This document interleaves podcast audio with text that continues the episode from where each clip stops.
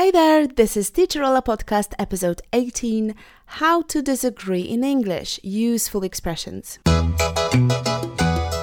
My name's Ola and I teach English online through one to one lessons. This podcast is for you if you're an English learner who wants to speak English with more confidence and get rid of speaking barriers. You'll boost your vocabulary, brush up your grammar, and improve your pronunciation. Go to my website for full transcript and worksheets to each episode. Happy learning! Thank you for coming back. If you're here for the first time, I'm glad to have you here. I wanted to say thank you for sending me emails. You have no idea how excited I am when I see an email from a listener. It's pure gold. Thank you for all of them and please send more. I want to get to know you a bit better. If you have any suggestions on topics, song titles to break down the lyrics, or grammar points you'd like to hear about, write to me I have lots of ideas, but I'd like to hear your take on that as well. After listening to this very episode, go to teacherola.com forward slash 18 and grab your free worksheet to practice sentence translation. Disagreeing might be more challenging than agreeing, especially if you have problems with speaking English, with your barrier.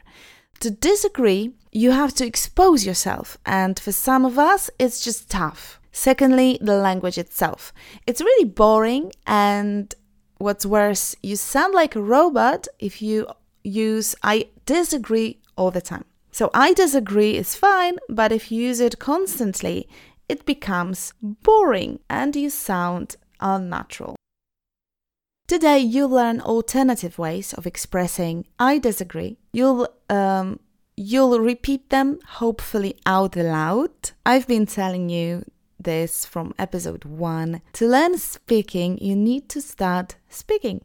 Even if it's just one sentence a day, said to yourself in a car, that's better than nothing. It moves you forward, so keep it up. I thought that I should categorize those expressions, so I did.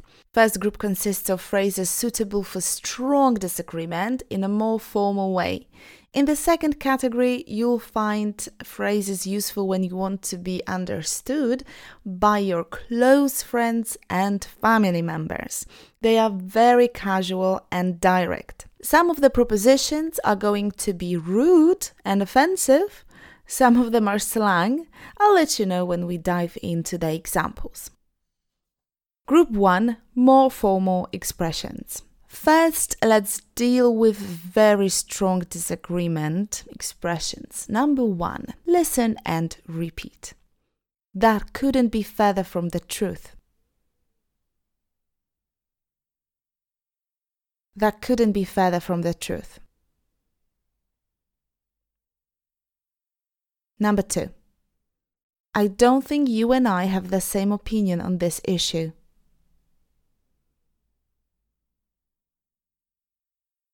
I don't think you and I have the same opinion on this issue.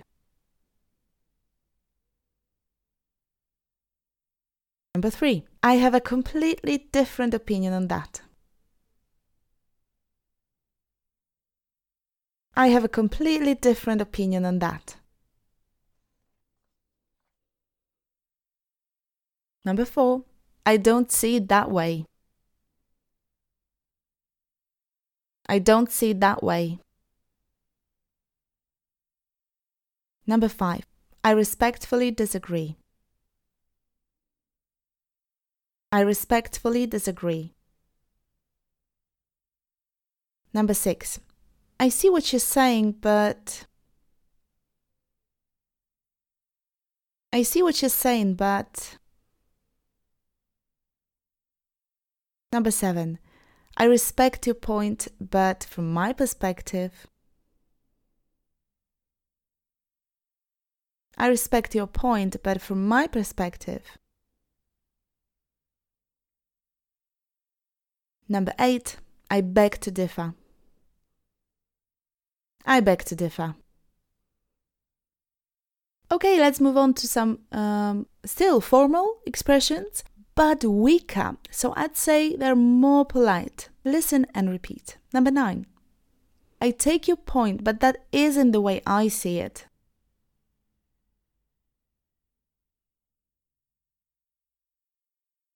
I take your point, but it isn't the way I see it.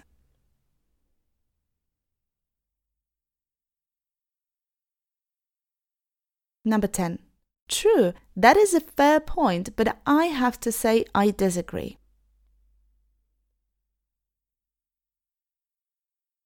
True, that is a fair point, but I have to say I disagree.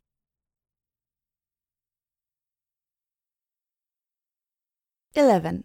I'm not sure I agree with you on that one.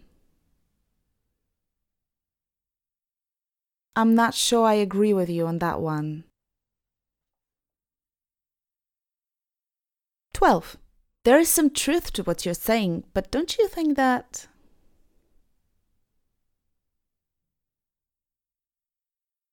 There is some truth to what you're saying, but don't you think that.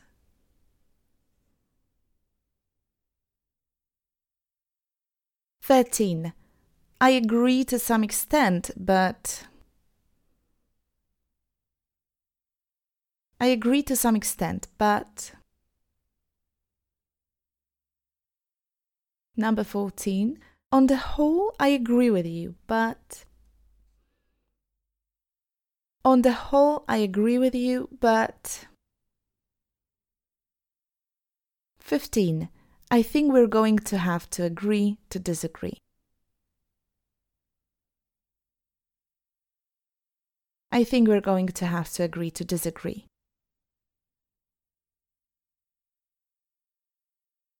Okay, the list of more formal expressions. As you may have noticed, some of them sounded more polite than others. There's a strategy when it comes to showing opposing point of view. To make it more polite, to soften the message, which might be hard for someone, show that you understand the other person's opinion. For example, I see your point. That's a fair point. I know what you mean. I see where you're coming from. You can even pretend to be unsure about your own opinion or solution. I'm not quite sure I agree. On the whole, I agree with you, but. Okay, let's move on to group two informal casual expressions. And please use them only in a safe environment. I mean, in front of your close friends, family members, and nowhere else. They're direct, some of them are rude. There are no swear words here, but I'm sure you all know them. So let's focus on those not offensive ones. Number one, I don't accept that. I don't accept that. Number two, I don't think so. I don't think so. Number three, I guess so. I guess so. Do you hear the intonation? Listen again. I guess so. Intonation plays a crucial role. It shows you're not willing to do or accept something. You disagree, but it's a weak disagreement. Okay, number four. I don't see eye to eye on this one. And this one is an idiom. Let's uh, repeat it. I don't see eye to eye on this one. Number five. Not necessarily. Not necessarily. Six. That's not quite right. That's not quite right. 7. That's not true, really, is it? That's not true, really, is it? Number 8. Very nice. Uh uh. That's it. Uh uh. And use it for small things trivial, unimportant, or not very important issues. Listen to this example.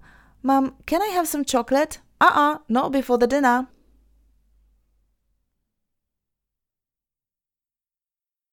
Number nine.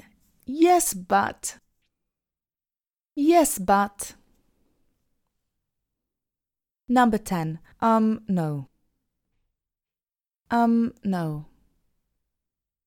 Well, it really can be offensive as well, but it all depends on the situation. So it's so hard to tell you now, will or won't it um, make somebody offended? Well, it, it might, it might, but I guess this um, um before no, it shows that you you are considering the opposing view of the person you speak to. So I guess it's not that offensive. There are more offensive words coming, so wait for them. 11. Nah. Nah. It's quite different from no, isn't it? So no is strong, but nah, it's like more much more casual. I'm sure you know what I mean. If you watch TV series or films uh, in the original, I'm sure you heard it many times. Okay, and number 12, well, well, and let's jump into rude and possibly offensive phrases, but no swear words here. Number one, don't be so sure. Don't be so sure. Number two, what? No. What? No. Number three, you've got it all wrong. You've got it all wrong. Number four, hell no. Hell no. And I'm sure you know a bit more offensive alternative, but I'm not gonna say it here. Number five, yeah, no. I love it. It's so cool, isn't it? Listen and repeat. Yeah, no. Hilarious, isn't it? So it might be like this, as I said it just now uh, longer with this three dots between. Yeah, three dots, no. Or shorter version, yeah, no. Yeah, no. Number five, haha, no. Haha, no. cool, huh? Isn't it? Oh my goodness, it's so natural to use, but only in very close environment of people you really know well. Number seven, nope. Nope. Again, I have to add it, it's really straightforward. Be careful with using it, it might be offensive. Number eight. Oh, and this is really rude. You're talking rubbish. You're talking rubbish. Number nine. Come on, how can you say that? Come on, how can you say that? Number 10. I'll just say it. Bollocks. It's a vulgar British slang word. Bollocks. Nonsense. Bollocks. I disagree with this. It's bollocks. 11. Are you kidding me?